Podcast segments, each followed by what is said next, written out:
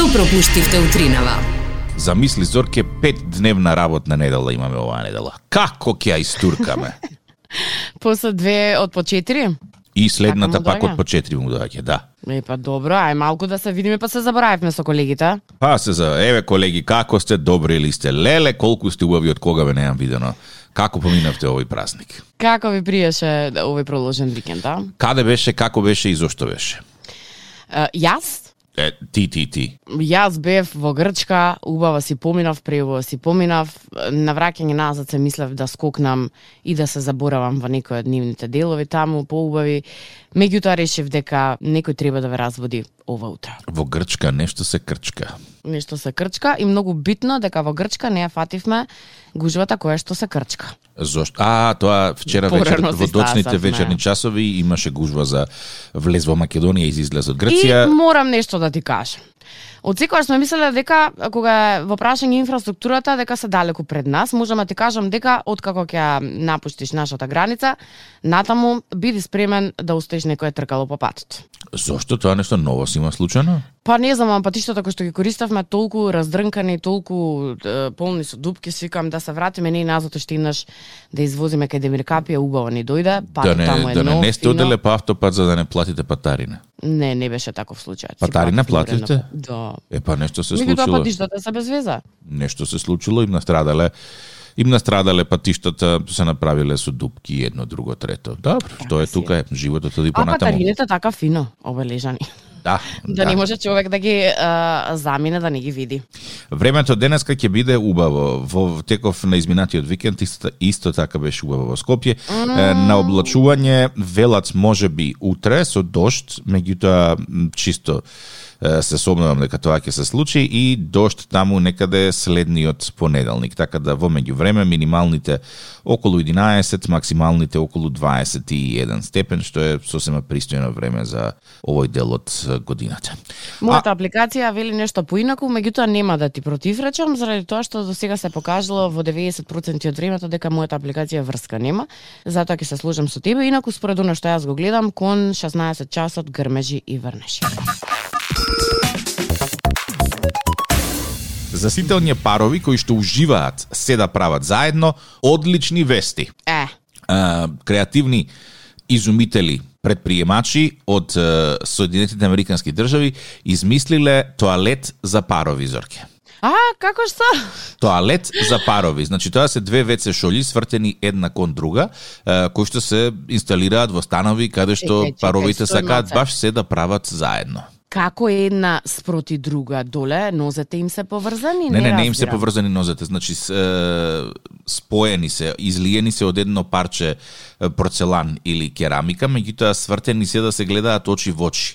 А како осмица некако ќе му дојде тоа? Па не е никако осмица, како како четворка. Еве сега ќе ти ја пуштам сликата на Добра. на на на на Вибер, а ти закачи ја на социјалните мрежи кај нас чисто да видат луѓето за што станува збор. Ова е значи на вистина брилијантно доколку едниот партнер сака цело време да знае каде му е другиот партнер и ако едниот партнер се прашува зошто овој вториот толку многу време поминува во тоалет, еве го идеалното решение да го дознаеш одговорот. Се продава по цена од 800 американски долари, Ау! основната верзија, а ако сакаш понапредна верзија, ти чини и повеќе пари. Сега прашањето е дали ти би ставила нешто такво во собствениот дом. Па, судејќи според ова што го гледам, не знам колку е најпријатно во најинтимните моменти од твоето секојдневие да си споделуваш со некој друг. Од проста причина што се знае што се прави во тоалетот. Добро, значи И кај тебе дефинитивно едно не. прашање и едно прашање ако на нас жените ни се синхронизира е, циклусот, дали на брачните партнери треба да им се синхронизира потребата за одење по е, Физиолошките број потреби два. треба, да, да. под да, број 2. Да, да. Ама еве ако не мене у моментот ми се прави некоја таква работа, ке, тука добро душо, нема значи, проблем, јас ќе те држам за рака додека ти го правиш тоа. Ете така, баш тука беше она, каде е тука моралната поддршка во добро и зло? Ајде, ајде, ајде. тоа не е во добро ти и зло. можеш, како не тоа е во Ај потреба. замисли, ај се реално да правиме муабет. Замисли да седнеш на таква веце школка Добро и да те држи за рака некој да ти вика ајде, ај, ке можеш? Е, сега Зорке, значи јас ке мене дома воопшто не би ставил такво нешто, меѓутоа ако има парови кои што би ставиле такво нешто, а очигледно има бидејќи некој ги продава, тогаш најверојатно некој можеби и Тоа го сака или тоа му Извини, треба? мала, мала дигресија. Значи, тоа е еден од, е, или не джабе е кажано старата народна, кај што царот оди пешки и оди сам, сигурно дека не оди со друштво и кај што сака да биде сам. И сега ти да му ставиш дополнително да се држи за раче со некој додека го прави тоа. И сега си размислувам, има луѓе кои што имаат сериозен проблем на секое патување надвор од домот. Не ти е погодено, различна ти е, е даската, не ти е фино, носете чудно ти стоят. И уште сега ти да тртнеш, а ето, и плюс уште едно, Добро. со цел да бидеш тука кога Мислам, дај, молим те, па нема да пропадне светот ако две минути, пет минути сопругот или сопругата оди во тоалет сама. Јас искрено од прва ти реков ова кај мене дома Пази, не. мене знаеш што ме плаши тука? Цената од 800 долари. Таа цена стана затоа што има побарувачка, знаеш? Апсолутно. Што значи дека има луѓе кои што ќе платат за тоа. А ако има луѓе кои што ќе платат за тоа, значи се сосема окей со тоа да имаат друштво додека И што правиме ги ако вршат физиолошките потреби. И што правиме на ако едниот е, пази, машкото поинаку го прави број 1. Што ќе правиме тогаш? Пак ќе се држиме за рака? А тоа е Зорки предмет на дискусија која што не би сакал во Мислиш која што не би има- сакал да навлезам Не, во Друга сакам да прашам, дали мислиш дека има правилник на користење заедно со тоалетната школка? И дали може двајцата во исто време да пуштат вода? Можат да пушат вода во исто време двајцата, да, а за правилник не сум сигурен.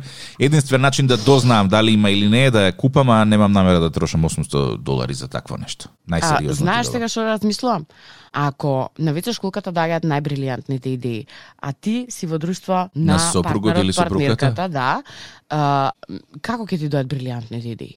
Ке треба да си правиш муавет цело време. Некои прашања не заслужуваат И одговор. не Така? баш сакам да ги видам гримасите кои што ги прави некој од другата страна додека се обидува да направи број 2.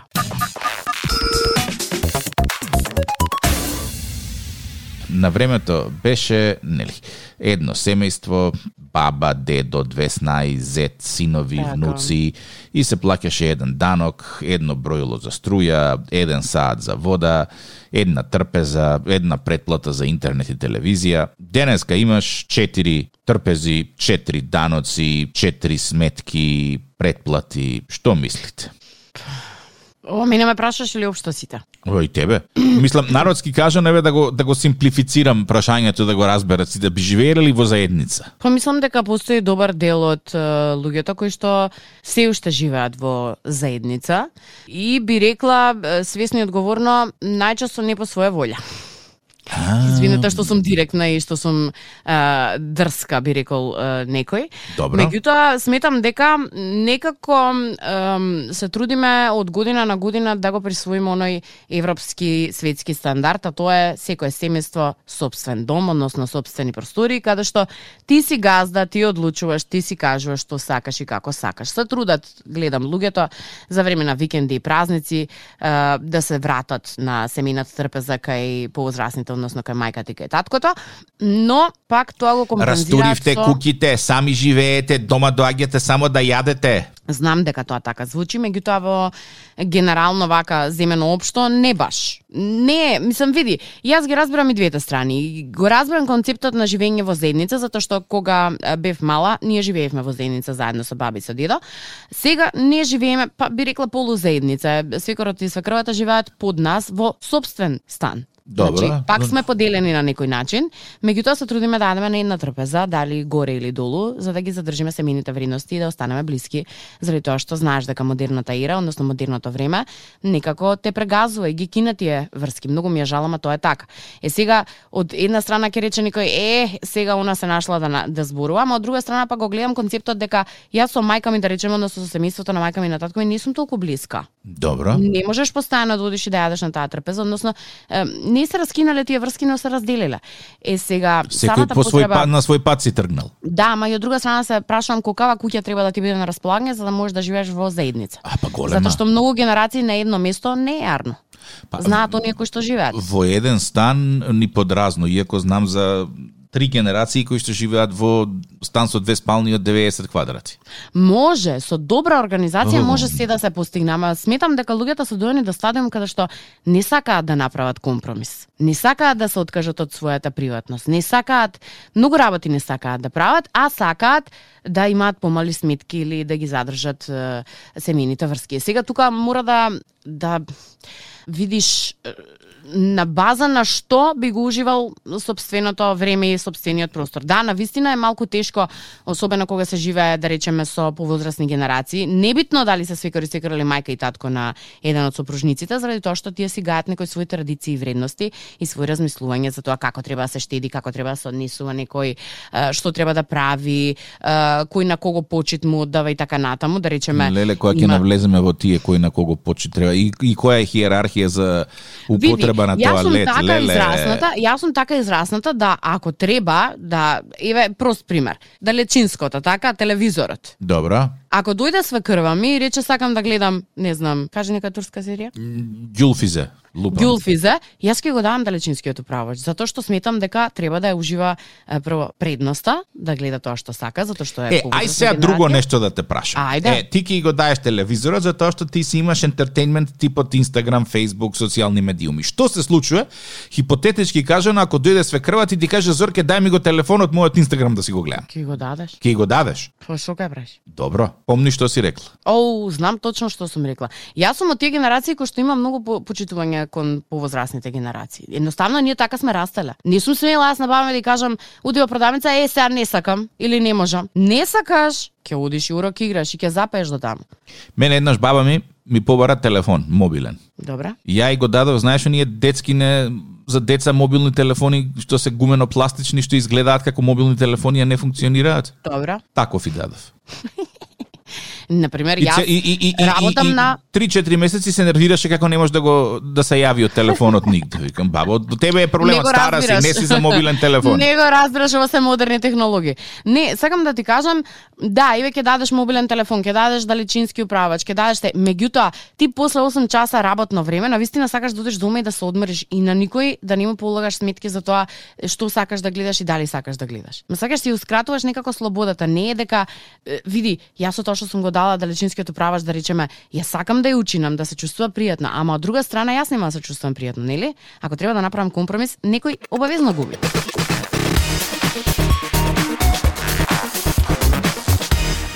Тик-так и Зорка на Фейсбук и на Инстаграм дискутиравме нешто околу семејните односи, дали сите на купче или секој посебно.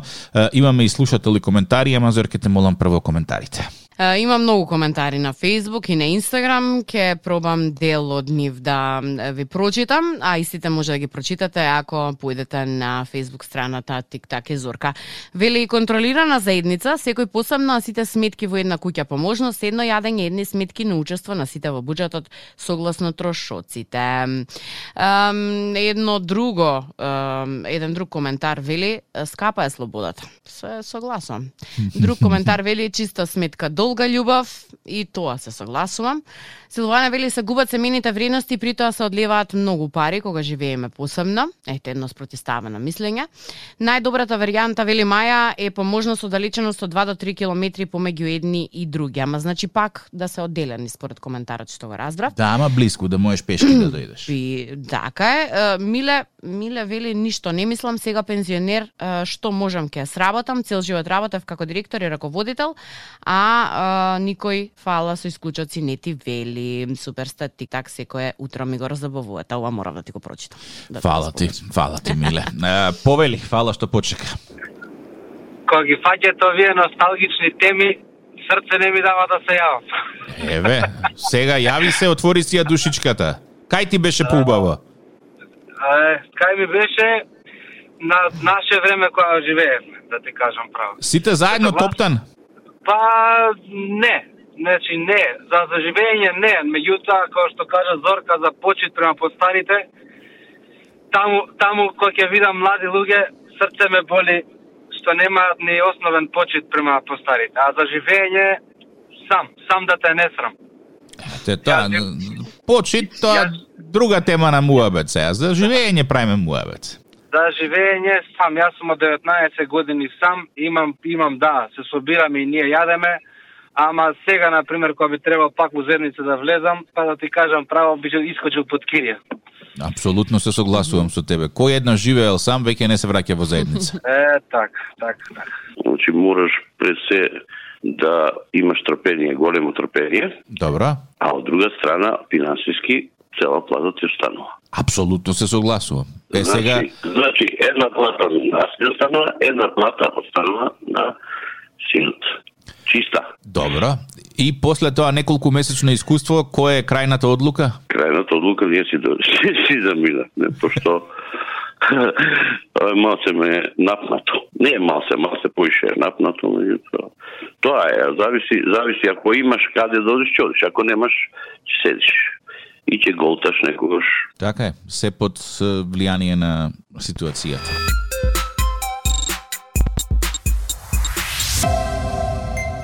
И нешто кое што само си се наметна како тема, со оглед на последното размислување на слушателот, кој што вели, а, како беше, да бидеш сам, да не ти е срам, Да бидеш сам, да не ти е да, срам. да живееш да. сам, да не ти е срам.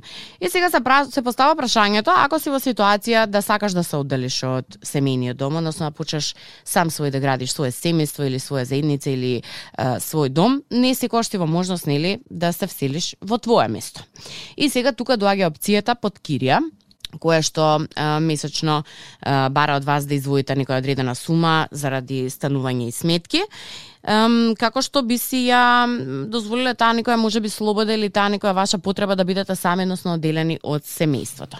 Знам дека секој од нас во даден период од животот, пробувајќи да види дали може сам да застане на свој нозе, веројатно бил под кирија некој временски период, освен оние кои што се пресрекни и кои што мама и тато им овозможиле да имаат собствен дом, односно посебен стан во кој што ќе живеат по навршување на полнолетството, односно некоја година плюсот како ќе се осамостоите.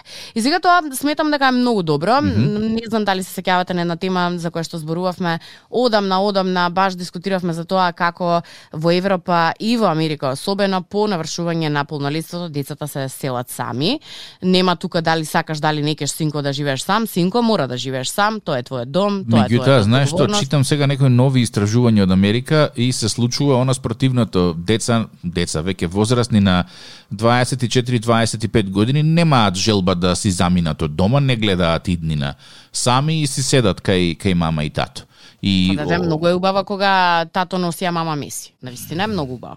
Да. Ја можам да ти кажам, изминатоа викенд кој што нити тато носеше, нити мама месеше, ама друг ми правеше јадење и кафе, многу убава си поминав така да Нели? би сакала да останам таму, да, меѓутоа не е тоа реалноста. Реалноста е дека ти можеш да, изго, да избегаш од своето секојдневие и реалност на неколку дена, ама мораш после тоа да се вратиш на врските. Да, наполни батерија, меѓутоа врати се, заради тоа што како возрастен човек од тебе се очекува да бидеш самостален и да заработиш свој денар во во џеп.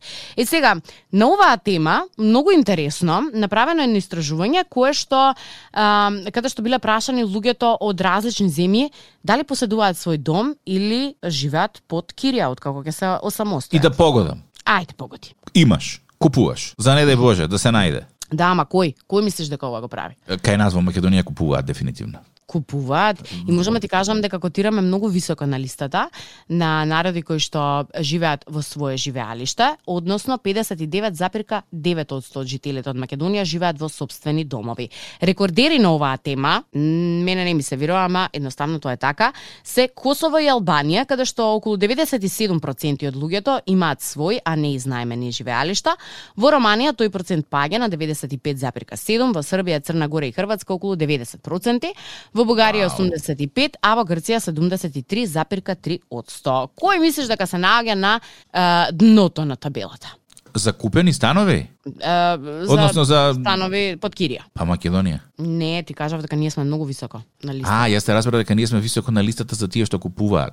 Е па, Не, не, не, не, не. Ние сме високо на листата за луѓе кои што не живеат во изнајмени, туку во свој живеалишта, купени живеалишта од мајка, од татко, од нив самите под Е, а сега ме и прашуваш така кој најмногу живее под Кирија? Тоа те прашам. Кој мислиш дека народите? Германија, А, Норвешка, близко си, Данска, близко си, Шведска. Да, да, топло, топло, топло. Германците само 49,1% од нив поседуваат свој живеалишта, а веднаш до нив се и швајцарците, кои што кај, кај кои што тој процент е 42,2. Па си видела ли колку е квадрат во Германија и во Швајцарија? Искрено не. Па многу. Во Швајцарија Колку? под 10.000 евра не се наоѓа. Квадрат. Да. Квадрат. Квадрат, квадрат Зорке. Значи со Со 100.000 евра ќе си купиш 10 квадрати. Колку собата на Мартин. Сликај се.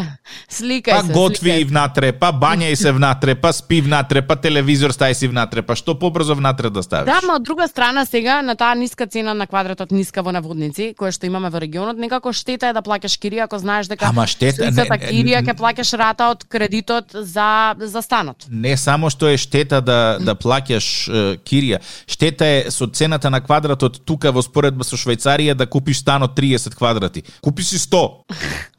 Зашто во Швајцарија за тие 100 ќе си купиш 10. А така би му дошло, да. Да, да. Па добро. Па добро, ма сега па види па на кој му треба стан во Швајцарија ако можеш тука да купиш од 100 квадрати? Па Знаеш како викаат? Подобро е да си прв во село отколку последен во град.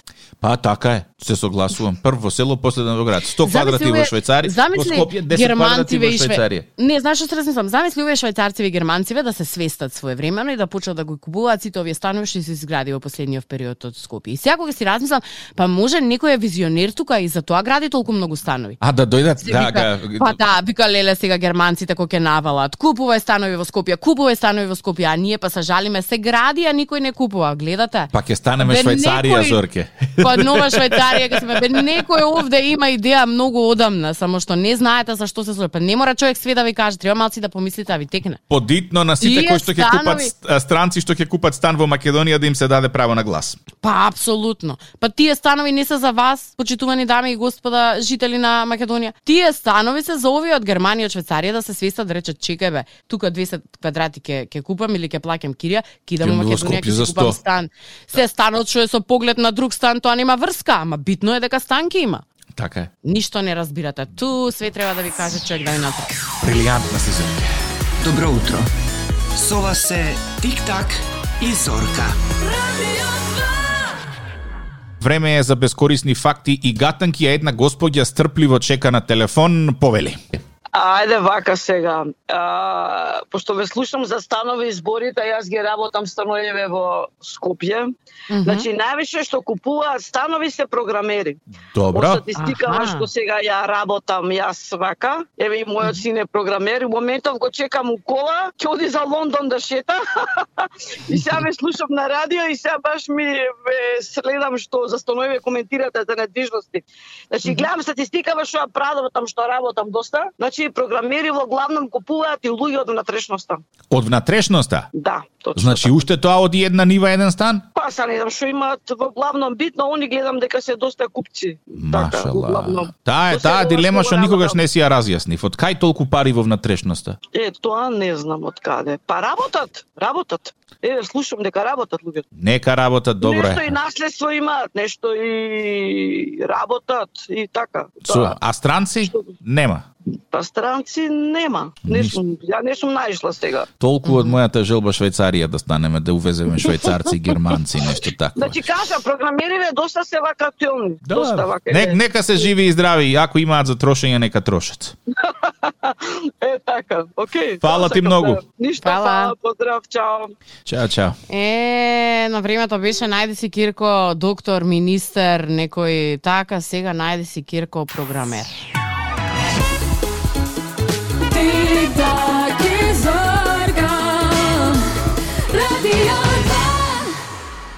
Зорка има статистика. И па сега не се бескорисни факти, ама многу корисни факти, секој што треба да ги знаеме. Според податоците се вели на Државниот завод за статистика, вработените во секторот компјутерско програмирање имаат највисоки плати во Македонија, односно тие во февруари земале Ете плати над зошто купуваат 90.000 станови. денари. Ете зошто купуваат 90.000 станови. Денари. 90.000 денари. Може следно да продолжам? Може, може. Уф. Во секторот тоа како ехо го прави 90, 90, 90. Во секторот компјутерско програмирање, стај ми ехо молим те да биде драматично. Не. компјутерско програмирање, консултантски и сродни дејности, ама стварно е за драма. Просечна нето плата исплатена во февруари изнесувала 91.700 динари. Машала. Додека вработените во секторот останати стручни, научни и технички дејности, таму ова преведи ми го, Добро, стручни научни технички дејности, не знам. при, примиле плата од 66.900 денари. Вау. 66.000. Да. Е сега, да не биде дека само тие многу се богатат, по нив следат вработените во секторот воздухопловен транспорт, каде што просечна месечна нето плата во февруари достигнувала 63.700 динари, додека на четвртата позиција се вработените во телекомуникации, кои во текот на февруари имале просечна нето плата од 54.600 динари. Прашањето што се поставува за овој програмер, за овој е, консултант, за овој стручен, научен, технички е, техничар ли што го ти дае, или овие кои што работат во воздухопловен транспорт и телекомуникации, ам, да земаат волкави плати. Нели во животот се користеле многу со здравствена е, услуга, со е, образование, со не знам разноразни дејности кои што не земаат, не ги гледам на на врвот на листата, не земаат толкави плати. Е па сега види, е, понуда и побарувачка Зорке. Економија, на што најмногу се прават пари на програмирање? Зошто? Затоа што софтвер најмногу се продава. Колку се продава медицинска интервенција? Ама не дај Боже да ти е потребна. Е па За сега софтвер можам да почекам и да соберам пари па да ја Е купам. па сега. Ама не дај Боже да ти треба моментот да ти се слоши или да ти се случи некој крак, затоа што гледаме како живееме. Е, значи, прво ние не живееме здраво, а второ и така се однесуваме како да имаме пет животи.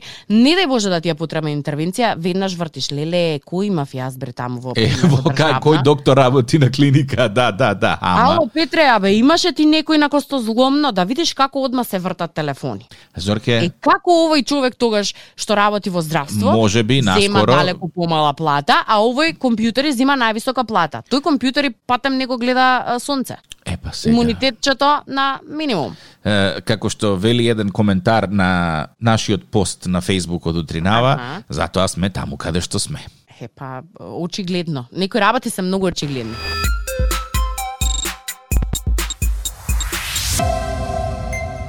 Пред сам крај, време е за гатанките да видиме кој е кај. Моменталниот резултат е 8 спрема 7 за Зорка, меѓутоа дали тик-так ова утро нешто ќе се закорка. Има рима? Не е зима. Ајде да те чујам. Денес правиме мала промена. Една гатанка поставувам јас, една гатанка поставаш ти, па да видиме кој ќе успее да однесе победа. За сега резултатот во моја предност, така? Да, 8-7 за тебе. Ајде да видиме дали ќе успеам да задржам предноста, ако ништо друго. Прашање за тебе, може? Може. Плива, а не каса. Пластика. Не, Медуза. не, Рипче. не. Не знам. Вилица, Плива у чаша вода навечер која ја вадиш. а не каса. Добра. Одиме со мојата Добра. гатанка. може? Главата вгоре, опашката в море. Ај. Главата горе, опашката во море. Облак, чат, е, брод, Не. Река. подморница. Шта? Река. И кај има ова логика, што ти се? Главата вгора, опашката в море. Извира во планина. Ама јас главата горе те разбрав. Па сега ти главата горе, тоа ти е нешто останато главата горе, Зорки. Тука мораш да поработиш малку на себе. Не може тоа туку така. Како од гатанка да стасавме до психотерапија. Па сега, Добра. ескалираше брзо ова многу. Главата горе, вика. Главата горе, опашката во море. Така те разбрав и така си ја повтори два пати и ти не Главата сходно вгора, да ми речеш Зорке, грешно си ја разбрала гатанката. Еве ти друга. Шарена, шарена, со рака не се фаќа. Шарена, шарена со огин, искра, чат. Не. Океј, се откажу. Не имаш уште 5 секунди. Змија. Аe, добро, не знам. Ама предноста останува кај мене. Да, Не предноста знам, јас не останува кај знаеш тебе. ти. Така е.